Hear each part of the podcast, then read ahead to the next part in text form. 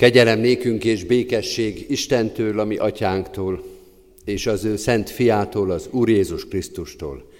Amen. Foglaljuk el a helyünket, kedves testvérek, majd a mi atyánkra és az áldásra álljunk föl ismét. Énekeljük most a 19. Zsoltárt, köszönjük Katikáiknak, hogy áthozták az énekes könyveket, mert sok olyan éneket fogunk énekelni, amelyeknek a szövege még talán kevésbé van a fejünkbe. A 19. Zsoltárt azért ismerjük, de például az záró énekünk, ami ennek a három napnak az állandó éneke lesz, az egy ismert dallam, de, de új szöveg, vagy talán kevésbé ismert szöveg lesz, úgyhogy jó használatot fog tenni az énekeskönyv végig a három napon. A 19. Zsoltárnak az első verszakát énekeljük, és az 5., 6. és 7. verszakokat, tehát az elsőt és az utolsó hármat. Az egek beszélik és nyilván hirdetik az Úrnak erejét. thank you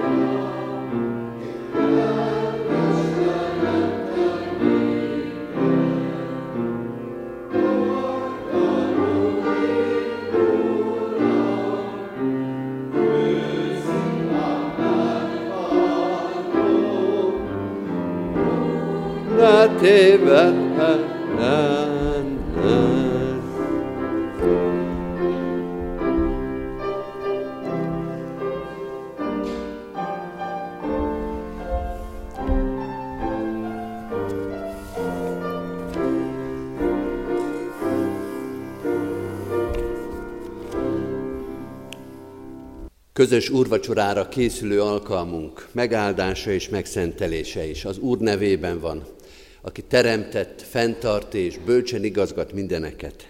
Amen. Hallgassuk meg Isten igéjét a példabeszédek könyvének az első részéből, mind a 33 versből. Példabeszédek könyve első fejezete így hangzik. Salamonnak, Dávid fiának, Izrael királyának a példabeszédei. Ismerd meg a bölcsességet és az intést, értsd meg az értelmes mondásokat. Fogadd el az okos intést, az igazságot, a törvényt és a becsületességet.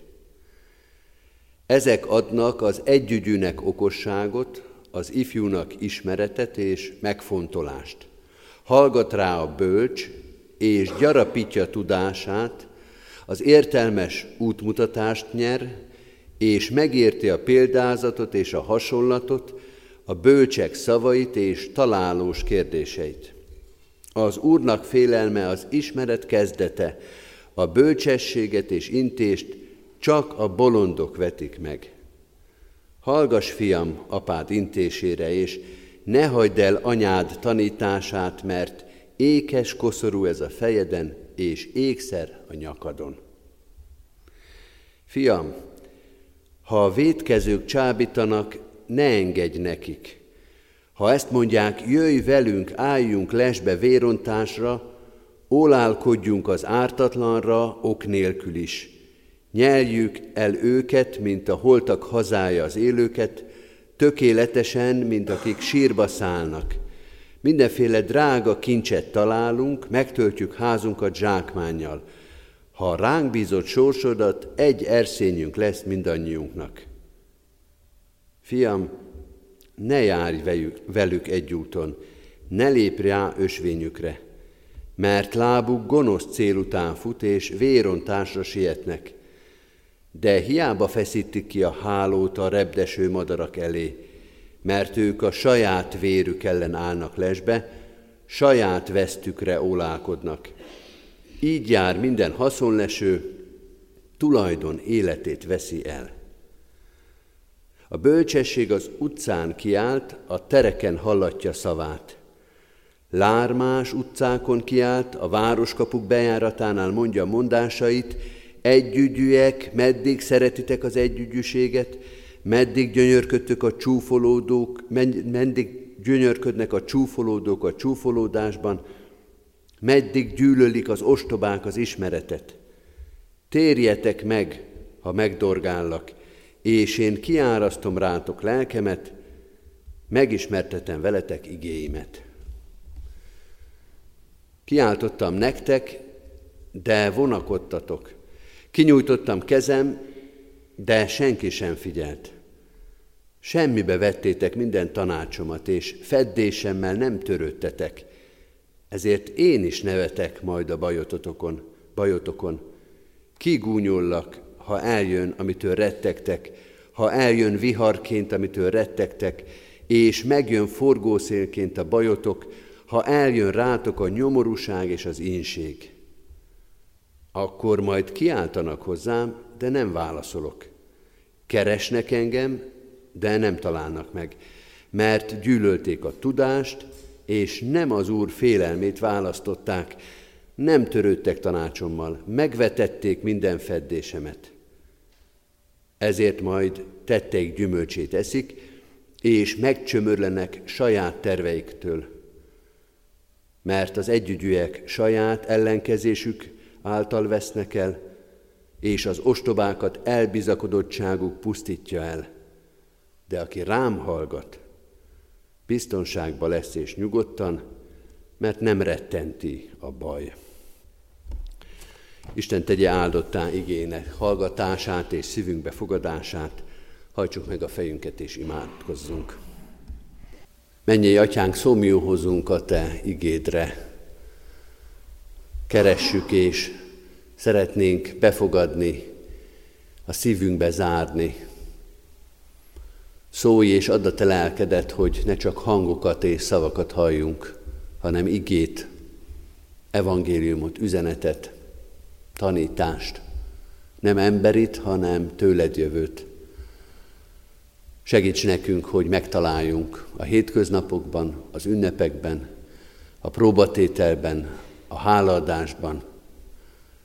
Segíts, hogy életünk minden pillanatában érezzük, hogy közel lehetünk hozzád, hogy közel juthatunk hozzád, mert te közel jöttél, hogy kereshetünk, mert te megtaláltál, hogy kérdezhetünk, mert nálad vannak válaszok. Urunk, töltsd meg a szavakat, a bíztatást, az igét teljességgel, erővel, hatalommal, hogy az átjárja az életünket, behatoljon az életünk legrejtettebb, legeldugottabb, legelfeledettebb pillanataiba is, helyzeteibe is, ott legyen körülöttünk és bennünk, a szívünkben és a szánkban, hogy Te irányíts. Ebben a sodródásban, ebben a felfordulásban, ebben a káoszban a Te igéd legyen a bizonyosság, a biztonság, a világosság. A világban is, meg a mi életünkben is. Bocsáss meg, hogyha nem voltunk sokszor készek a Te igédre. Nem is kerestük, és ha megtalált is minket, ha meghallottuk is, nem voltunk engedelmesek, nem voltunk készségesek a Te igéd előtt. Add a Te lelkedet, hogy most, amikor megszólal a Te igéd, akkor nyitott legyen a szívünk, az életünk, a gondolataink.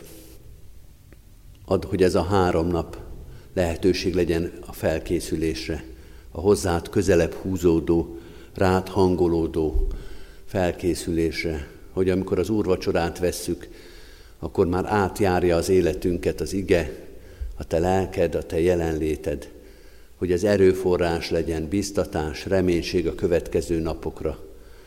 Erősíts meg most minket ma este is, meg holnap is, meg holnap után is, hogy amikor eljön az úrvacsorai közösség szent lehetősége, amikor asztal terítesz nekünk, akkor ott legyen már szívünkben a bizonyosság, hogy valóban te vagy, aki megtöröd a kenyeret, te vagy, aki nyújtod a poharat, te vagy az, aki közösséget válasz velünk. Ebben erősíts meg minket, sok-sok áldott tapasztalat után, hadd legyen áldott ez az úrvacsora is majd. Amen. Kedves testvérek, készüljünk az ige hirdetésre az 541. 541. dicséretünkkel. Ez egy jól ismert énekünk, 541. dicséret, jövel, Szentlélek, Úristen, töltsd be szíveinket éppen, két verszakot, az elsőt és a másodikat énekeljük, 541. dicséretünkből.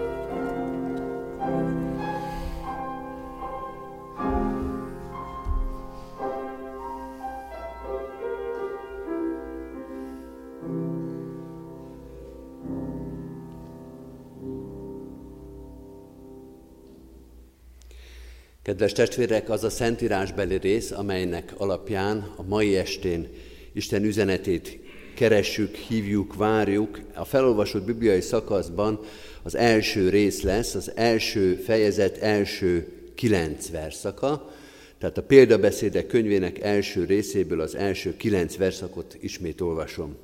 Salamonnak, Dávid fiának, Izrael királyának a példabeszédei. Ismert meg a bölcsességet és az intést, értsd meg az értelmes mondásokat. Fogadd el az okos intést, az igazságot, a törvényt és a becsületességet. Ezek adnak az együgyűnek okosságot, az ifjúnak ismeretet és megfontolást. Hallgat rá a bölcs, és gyarapítja tudását. Az értelmes útmutatást nyer, és megérti a példázatot és a hasonlatot, a bölcsek szavait és találós kérdéseit. Az Úrnak félelme az ismeret kezdete, a bölcsességet és intést csak a bolondok vetik meg. Hallgass, fiam, apád intésére, és ne hagyd el anyád tanítását, mert ékes koszorú az a fejeden, és ékszer a nyakadom. Kedves testvérek, három igehirdetés áll előttünk, ha Isten engedi és élünk, akkor ma, holnap és holnap után a példabeszédek könyvének első részével készülünk az úrvacsorai közösségre. Egy hosszú, nem is olyan nagyon hosszú szakaszt olvasunk majd minden este is, és abból egy-egy részletet részletesebben is, vagy figyelmesebben is megnézünk. Nagyon ószövetségi ige, amit olvasunk, nagyon ószövetségi hangulata van, nem is megérteni nehéz, hanem kivárni. Mert olyan ez, mint hogyha valamit tízszer, százszor elmondana a Szentíró. Nem olyan az.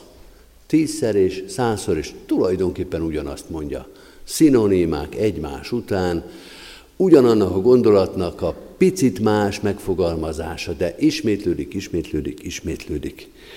Az Ószövetségi ezt jelenti, hogy egy nagyon régi műfajnak a képviselőit olvassuk ezt, bölcsesség irodalom, így hívják, verses formában született meg, ami nem azt jelenti, mint nálunk, nálunk sem mindig ugyanazt jelenti a vers, de ott egy ilyen rövidebb, gördülékenyebb, dallamosabb és főleg rímes szövegre gondolunk.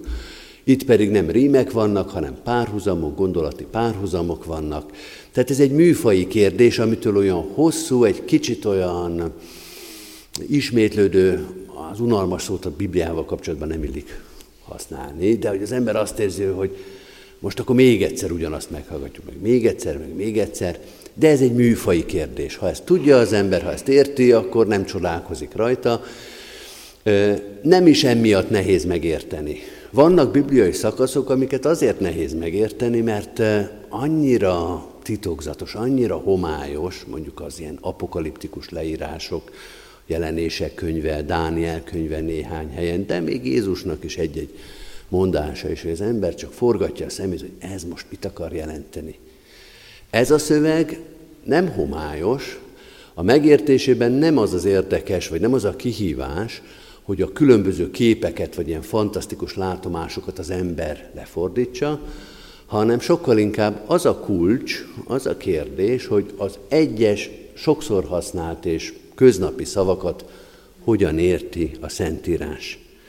A megértés, amit most elkezdünk ebben a szakaszban, az első kilenc versben, ezzel is kell, hogy kezdődjön. Hogy a köznapi értelemben is használt szavakat ne köznapi értelembe vegyük, hanem megnézzük, hogy a Szentírás és a példabeszéde könyve mit ér például bölcsesség alatt, mit ért például bolondság alatt. A kulcs az itt van. És amilyen szerencsénk van, itt van a mi mai igénkben is, ezt tudnélik, az 1.9-es vers, az első rész 9. verse, az a jól ismert vers, amit a legtöbbször szoktunk idézni, egyébként nem csak itt van megírva, hanem azért máshol is, ugyanebben a könyvben, az Úrnak félelme az ismeret kezdete. Ugyanez fordítva is megjelenik, ugyanez újra és újra tanít minket. Az első gondolat tehát a szómagyarázat lesz, megérteni azt, hogy mit jelent a bölcsesség, és mit jelent a bolondság. Amit leghamarabb megérzünk ebben a szövegben az, hogy itt ellentétről van szó. A bölcsesség és a bolondság egymással szemben állnak. A bölcsesség a Szentírásban, itt a példakbeszédek könyvében is, az egy olyan fogalom, aminek van intellektuális vetülete is, van benne valamilyen értelmi tevékenység is, de alapvetően erkölcsi és hitbeli kategória. A bölcsember, a bölcsesség az az Istennel való kapcsolatnak a leírása, a bölcsességnek a kezdete, a bölcsességnek az első lépése az az ismeret, az Istennek a félelme, az Istenhez kötődő viszonyunk. Isten félelem, vagyis Istennek a tisztelete, idegen szóval itt szoktuk mondani, hogy talán még erősebben kifejezi a respektus Istennel szembe. Amikor tisztelettel fordulunk az Isten felé, nem félünk tőle, hanem féljük őt, ez talán magyarban egy picit olyan régiesnek hangzik, de értjük, hogy az Isten tisztelete és az iránti való respektus, abból az Isten ismerete következik, az Isten igének a figyelembevételét jelenti, az azt jelenti, hogy amit ő mond, a számunkra fontos, az számunkra parancs, hogy azt megértsük, mert tiszteljük őt, és bármi, ami tőle jön, a számunkra azonnal fontossá válik. Isten tiszteletéből, Isten félelemből fakadó Istenismeret, igeismeret és igének való engedelmesség. Ezt érti a Szentírás bölcsesség alatt. Nem a diplomáknak a számát, nem csak az intellektuális tudást, hanem egy kifejezetten Istenhez kötődő tudást, ismeretet és egyben engedelmességet. Ennek az ellentéte a bolondság, ami nem mentális jellegű, nem valamilyen idegi dolog, amit a köznyelvben szoktunk valakire mondani. A bolondság az az Istennek a megtagadása, az Isten tiszteletnek a hiánya. Ahogy a 14. Zsoltár is mondja, a bolond így szól az ő szívében, nincs Isten. Ez a bolondságnak a definíciója. Mi a bolond szót nem így használjuk, de tudnunk kell, hogy amikor itt olvasok, akkor ezt kell érteni alatta.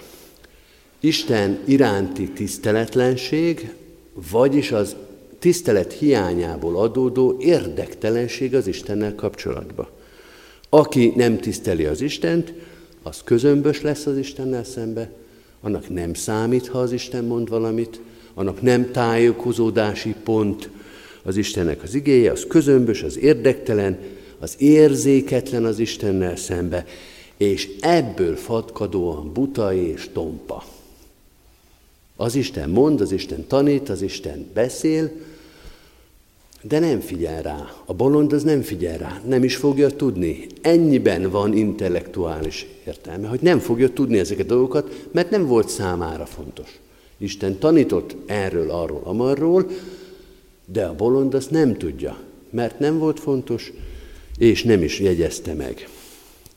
Azt hiszem értjük, kedves testvérek, hogy ez egy világkép és emberkép. A Szentírásban az Isten félelem, az Isten ismeret, az ige ismeret, az valami, ami ebben a világképe, világképben része a jó neveltségnek, az illemnek, az igényességnek. Az igényes emberek, a komilfó emberek, ahogy régen mondták franciák, azok Isten tisztelik. Az hozzá tartozik, az olyan, mint a, a tisztaság, a jólápoltság, hogy a, az, az hozzá tartozik. És fordítva, az Isten tagadás, az Isten iránti tompaság, az az illetlen, modortalan, igénytelen, barbár embernek a tulajdonsága, busmanság, ahogy ezt a szót Európában értjük. Tehát valami, ami olyan igénytelen, olyan gagyi. Ez elmúlt. Régen volt ez az Ószövetség. Vagy ha nem is múlt el, a közvélekedésben nem így van. A keresztény emberekében lehet így. Ez nem az embereknek a megvetése, nem másoknak a megutálása, főleg nem a másoknak a lenézése, hanem az, hogy hol van a mérce.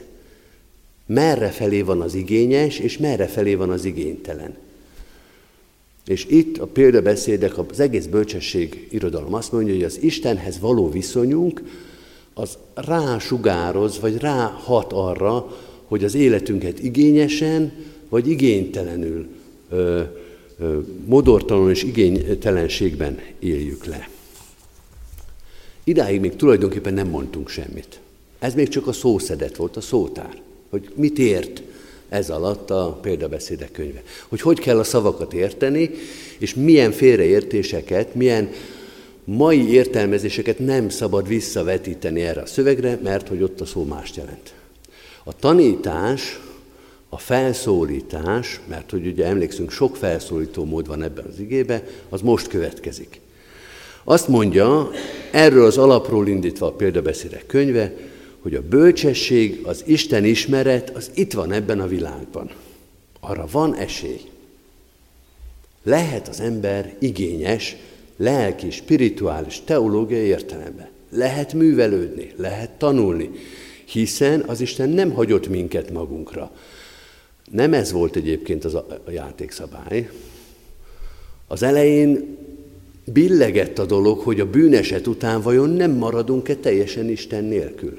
Nem maradunk-e a saját igénytelenségünkbe, a saját sötétségünkben. Nem így alakult, hanem Isten utánunk jött, és azt a tudást, azt az ismeretet, azt az információt, amit ő fontosnak tart, azt ide teszi ebbe a világba. Tehát ezt meg lehet keresni. Része a világunknak az Isten ismerete, az Isten akarata, tehát meg lehet keresni, nem biztos, hogy könnyű, de itt van. Nem tudom, ki volt közülünk szabaduló szobába, ez a társas játék, amikor arról van szó, hogy be vagyunk zárva, hát nem, nem olyan nagyon, csak itt kicsit.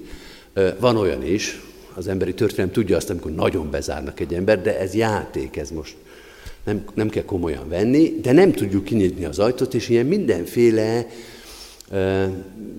trükköket vagy feladványokat kell megoldani, hogy az ember tovább jusson, nem is egyet, hanem öt lépés, tíz lépés, hogy van, és akkor egyik lépés után jön a másik, a harmadik, a negyedik, és majd a végén megtaláljuk a kulcsot a szó szoros értelmébe, és ki tudunk menni majd. Szóval ez egy játék. De az elején még nem érti az ember, hanem azt érzi, hogy akármit csinál, akármit próbál, nem, nem halad előre. És akkor kell az a tudás, hogy de ez játék, biztos, hogy itt van a kulcs. Addig kell keresni, amíg az ember megtalálja. Az nem fordulhat elő, hogy valaki éhen hal a szabaduló szobába vagy szomjan, mert hogy tényleg nem lehet belőle kijönni. Hogy ez, ez becsapás volt, itt nincs megoldás. Ilyen nincsen. Legfőjebb nem fedeztük föl, rosszul értelmezzük, akkor a játékvezetők segítenek egy kicsit, de ott van a tudás, hogy egész biztosan itt van a megoldás körülötted. És a példabeszédek is ezt mondja, hogy ne, ne félj attól, hogy nézed körbe a teremtett világot, és sehol nincs az Isten, sehol nincs az Isten akarata. Egész biztos, hogy itt lesz. Lehet, hogy az első lépések azok nehezek. Hogy nem úgy indítod a dolgot, hogy valahogy ott keresed, ahol nincsen, és ott van, ahol te nem keresed. Ilyenek lehetnek, de hogy rájön az ember a szabaduló szoba, meg az Isten igének a, a logikájára, akkor egyre jobban, egyre gyorsabban fog majd az menni. Tehát ha úgy érzed, hogy már fél óra eltelt, és még mindig nem találtad meg az első lépést, ne add fel, mert egészen biztosan itt lesz. És hogyha 45 perc is eltelik, akkor majd fog valaki segíteni. Hogy hogyan indulj el. De itt van, gyerünk, keresd, csináld. Nem kell félni. Nem, nem vagy magadra utalva. Vagy hogy egy másik képet használjak, olyan, hát ez furcsa kép lesz, olyan az Isten igéje, vagy az Isten ismeret, mint az ikeás bútor. Hogy megvisszük, hazavesszük, ugye az lapra van szerelve. És akkor addig kell rázogatni a csomagot, amíg meg nem találja az ember az összeszerelési útmutatót, mert biztos, hogy benne van. Az nem úgy van, hogy magadnak kell kitalálni, pláne még azt is, hogy ez most egy szék, vagy egy jeliszekrény, vagy egy francia ágy, az, ott van benne minden információ. Ez egyébként egy biztos nagyon érdekes tudás, hogy hogy lehet valamit úgy lerajzolni, mert ugye nyelv nincsen az ikásbutorban, csak rajzok vannak, hogy minden nyelven, minden kultúrában minden ember össze tudja szerelni a francia ágyat. Ez egy érdekes tudás.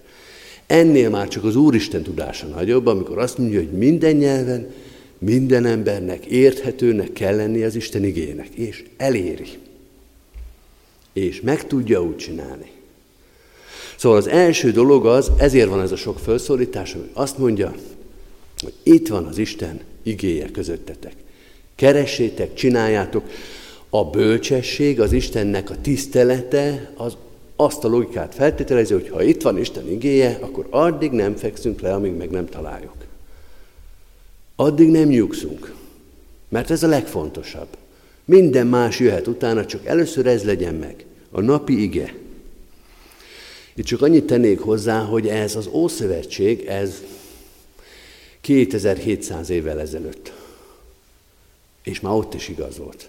Pedig nem volt könyvkiadás, nem volt könyvnyomtatás, nem volt internet. Ma három másodperc alatt beüti valaki az interneten a szentírást, és már jön is a szöveg. Átbalunk a Libribe, vagy bárhol, veszünk Bibliát. Tehát ma könnyű erről prédikálni, de nem csak a 21. században igaz ez, hogy közel hozzád az ige a te szívedben és a szádban, hanem az Ószövetségben is. Amikor ezek a technikai dolgok nem voltak adottak, az ige viszont adott volt.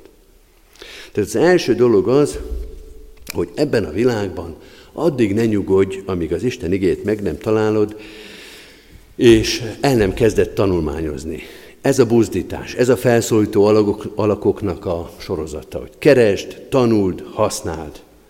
Ha Isten belepakolta ebbe a világba, akkor 2700 évvel ezelőtt is, meg a mai napon is azt meg lehet találni, akkor hajrá, akkor csináljuk. Ez a te érdeked, ez a másik tanítás, hogy nem Istennek van szüksége arra, hogy olvassuk az ő műveit, hanem nekünk van szükségünk rá.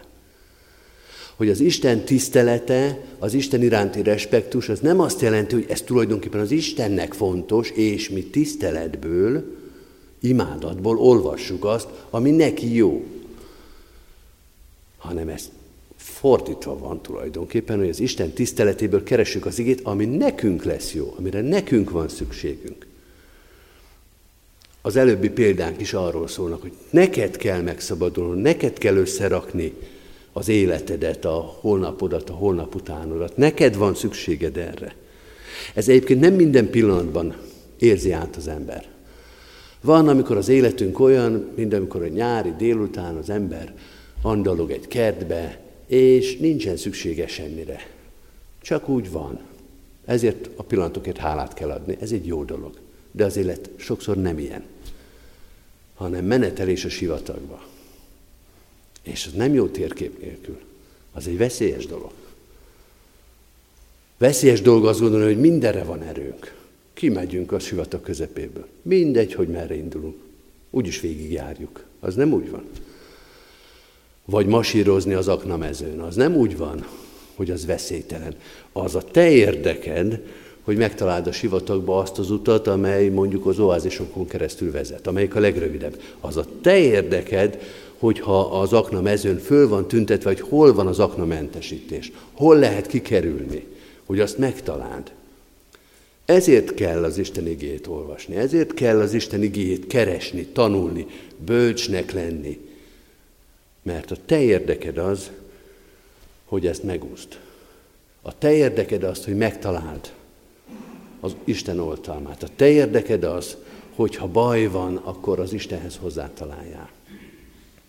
És ezt még akkor is kell, amikor olyan andalgos délután van, amikor olyan kellemes az élet, akkor is érdemes feltankolni.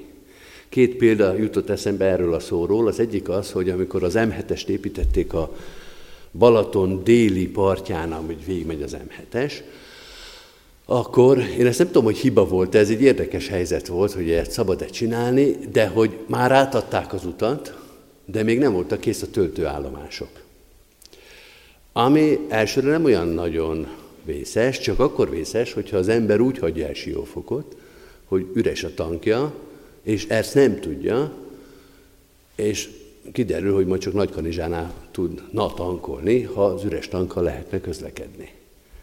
Tehát egy ideig volt egy olyan, hogy az ember erre a szakaszra, ahol mondjuk nem tudom, 80 kilométer van a két tank, ö, ö, benzinkút között, az ember tudja, hogy akkor most gyorsan meg kell tankolni, Akkor is, ha még félig van, vagy mit tudom én, még, még nem villog a lámpa, de már kezd fogyni, mert ez általában az autópályán úgy van kimérve, úgy van összeállítva a dolog, hogyha egy töltőállomást elhagysz, nem probléma, a következőn tankolsz. De ha 80 km a kettő között a távolság, akkor tudni kell, hogy már most tankolni kell, mert 80 kilométerig nem lesz.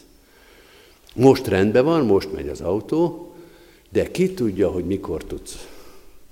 Most rendben van, most jól van az ember szíve, most jól van az ember lelke, de kell, hogy legyen tartalék ahhoz, hogy ha majd közben, ha holnap, vagy már ma délután, vagy ma este kiderül, hogy tartalékra van szükség, akkor legyen. Még inkább élő ez a példa. Tavaly voltunk kirándulni, vagy egy ilyen nagyobb, hosszabb utazáson, és tavaly már a benzinhiány miatt riogattak minket, és akkor tényleg ezt csináltuk, hogy 50 literes a benzintank, ha 20 liter lefogyott belőle, akkor rögtön teletankoltuk. Mert hogy nehogy az legyen, hogy az őrségbe mentünk, mondták is, hogy ott az őri Szentpéteri benzinkúton nem mindig van benzin. És hogy amint, amint az ember benzinkútot talált, beállt, és 10-20 literenként teletankolta a benzintankot. Mert most még rendben van. Na de mi van akkor, ha nem működik az, ami idáig működött, hogy bármikor, bárhol tankolhatsz, hanem az van, hogy most a tartalékból kell élni. Kedves testvérek, az urvacsora is valami hasonló. Az úrvacsora az olyan, mint a benzinkút. A kecskeméti gyülekezetbe hónapról hónapra van elhelyezve. Hogy az ahhoz kell, hogy, hogy föltankoljuk magunkat az Isten közelségével, az Isten igéjével, ezekkel az urvacsorára készülő sorozatokkal. Hogy van, amikor az ember úgy érzi, hogy nem egy, éve, nem egy hónapot, egy évet, két évet is kibír. És néha utólag tényleg így is volt, hogy kibírtam volna még másfél évet is. De néha az ember nem tudja, hogy nem fog még egy hónapot se kibírni. Vagy az is nehéz lesz, de egy évet nem fog. Amikor urvacsorára készülünk, ebben a gyülekezetben egy évben tizenkétszer, akkor azt mondjuk, hogy legrosszabb esetben csak egy hónapot kell kibírni. A föltáplálással, a fölerősödéssel, az Istenre való odakoncentrálással. Mert ha egy hónap alatt kifogy a tartalékunk, akkor most ez a februári úrvacsora lesz, de márciusban is lesz. És hogyha akkor is nagyon lemerül a tank, akkor áprilisban is lesz. Én nem akarom azt mondani, hogy az úrvacsora az ilyen csodaszer, de az Istenre való koncentrás, az Istenre való közösség, amikor rászánunk három estét is, meg az úrvacsora Isten tisztelt, meg az arra való készülés, nem csodaszer, hanem a lelkünket tápláló valami. Nem kell, nem kell éveket kibírni, hanem azt lehet mondani, hogy mindig, mindig tudunk táplálkozni. És azért jó, nem mindig tud az ember úrvacsorát venni. De hogyha az, ezt a, ez a hónap most elmentem, hogy következőre már rá tudok készülni. Tehát van ebben az úrvacsorára készülésben, és magában az úrvacsorában is valami hasonló, mint az autósoknál, a benzinkútnál, hogy azt ne hagyja az ember az utolsó pillanatra, és amikor ilyen szakaszok vannak, akkor nagyon becsülje meg, hogy na most lehet. És ki tudja, hogy mi következik. Hogy az következik-e, hogy most is lehetett, meg egy hónap múlva is, meg utána is, havonta szépen veszük az úrvacsorát, és hát, ha úgy van, hogy most veszünk, és lehet, hogy fél évig kell belőle kitartani. Egyébként az Úristennek a sareptai őzvegy óta tudjuk, ez is megy.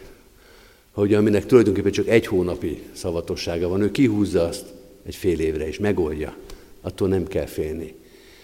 De nem tudjuk, hogy mi következik, egy ilyen mostani világban pláne nem, hogy mi következik ránk. Ezért mondja az Úristen ezzel, hogy ragad meg az alkalmat, tankolj föl, erősödj meg az Isten ismeretbe, az Isten igéjébe, ezzel a sorozattal, ezzel az úrvacsorával, és akkor, hogyha kell, akkor az hosszú ideig is ki tud tartani. Adja a kegyelem Istene, hogy most felerősödjön a lelkünk, adja a kegyelem Isten azt is, hogy minden hónapban fölerősöd, hogy fölerősödhessen, hogy ne kelljen évet vagy másfél évet várni, hanem meglegyen az alkalmunk, az egészségünk, a lehetőségünk, a békességünk arra, hogy minden hónapban szépen vehessük az úrvacsorai közösségben Jézus Krisztus testét és vérét. Imádkozzunk! Mennyei atyánk, köszönjük, hogy gondod van ránk. Nem neked van szükséged az igére, a lélek erejére, hanem nekünk. Bocsáss meg, hogyha sokszor önfejűen vagy, vagy ostoba módon nem veszük figyelembe. Ha minden alap és minden próba nélkül azt hiszük, hogy nekünk mindenre van erőnk, hogy mi mindent kibírunk, hogy mindent megoldunk, hogy mindenhova eljutunk, Bocsáss meg, hogyha sokszor önfejű, öntelt módon nem látjuk, hogy mennyire a Te kegyelmedből élünk. Éppen ezért köszönjük, hogy a Te kegyelmed nem szűnik meg, hogy a Te irgalmad nem fogyatkozik el, hogy látva a mi ügyetlenségünket, önhitségünket, butaságunkat, akkor sem fordulsz el tőlünk, hanem meggazdagítod az életünket a Te igéddel, a Te jelenléteddel, az úrvacsorai közösségekkel, a gyülekezetünk sok-sok szolgálatával. Add, hogy ez az ige is, ez a mai ige is felfényesítse ezeket az alkalmakat, mint kiváltságot, mint becses ajándékot tekintsük, azt, ha veled találkozhatunk. Ajándékként éljük meg azt, hogy ha az ige megszólal az életünkbe, hogy az fontos legyen, hogy érzékenyek, hogy kíváncsiak, hogy nyitottak legyünk rá, hogy várjuk, óhajtsuk azokat az alkalmakat, amikor Te megszólalsz. Így könyörgünk ezekért az estékért, és így könyörgünk az úrvacsorai közösségért is. Nem az első lesz az életünkben, sokszor vettünk már úrvacsorát, sokszor voltunk ott a Te megterített asztalodnál. Védj ki a szívünkből minden unottságot, minden rutint, mindent, ami, ami elszürkíti ezeket az alkalmakat, és ad, hogy minden egyes esetben, mint az életünk nagy kiváltságát élhessük meg, hogy ott lehetünk melletted, hogy ez bearanyozza a napot, a következő hetet, hogy ez erőt adjon a szolgálathoz, a békességhez, a megbocsátáshoz, a bocsánatkéréshez, a szolgálatok kereséséhez és elvégzéséhez, szóval az egész életünkhöz. Ez legyen a mi erőforrásunk áldunk és magasztalunk azért, hogy, hogy békében és nyugalomban élhetünk, és hogy hozzájuthatunk ehhez. Most különösen is könyörgünk azokért, akik most ezt nélkülözik, akiknél nem szól a harang, akiknél nincs úrvacsorai közösség, nincs kommunió, akik most megfosztattak ezektől a lehetőségektől. Ha egy haszna lehet ennek a dolognak, hogy az ő szívükben is megerősödik a vágy irántad, akkor ez teljes egyénben rajtuk is, rajtunk is. Könyörgünk ezért a világért, a békességért, a megbocsátásért, a háború megszűnéséért, az emberi szenvedés, az emberi gyilkosság, az emberi indulatoknak a lehiggadásáért, mindazért az ajándékért, ami csak tőled jöhet. Urunk, add, hogy békesség legyen a földön, megbocsátás és szeretet ott, ahol most gyűlölség van. Imádkozunk a mi közösségeinkért is, könyörgünk a gyülekezetünkért, a betegeinkért, a megfáradtakért. Könyörgünk azokért, akik gyászt vagy valamilyen más nehéz fájdalmat hordoznak. Te ismered a terheinket, ismered a fájdalmainkat, jöjj, gyógyíts, vezes, erősíts minket Krisztusért, ami Urunkért. Amen. Egy rövid csendes percbe vigyük Isten elé imádságainkat.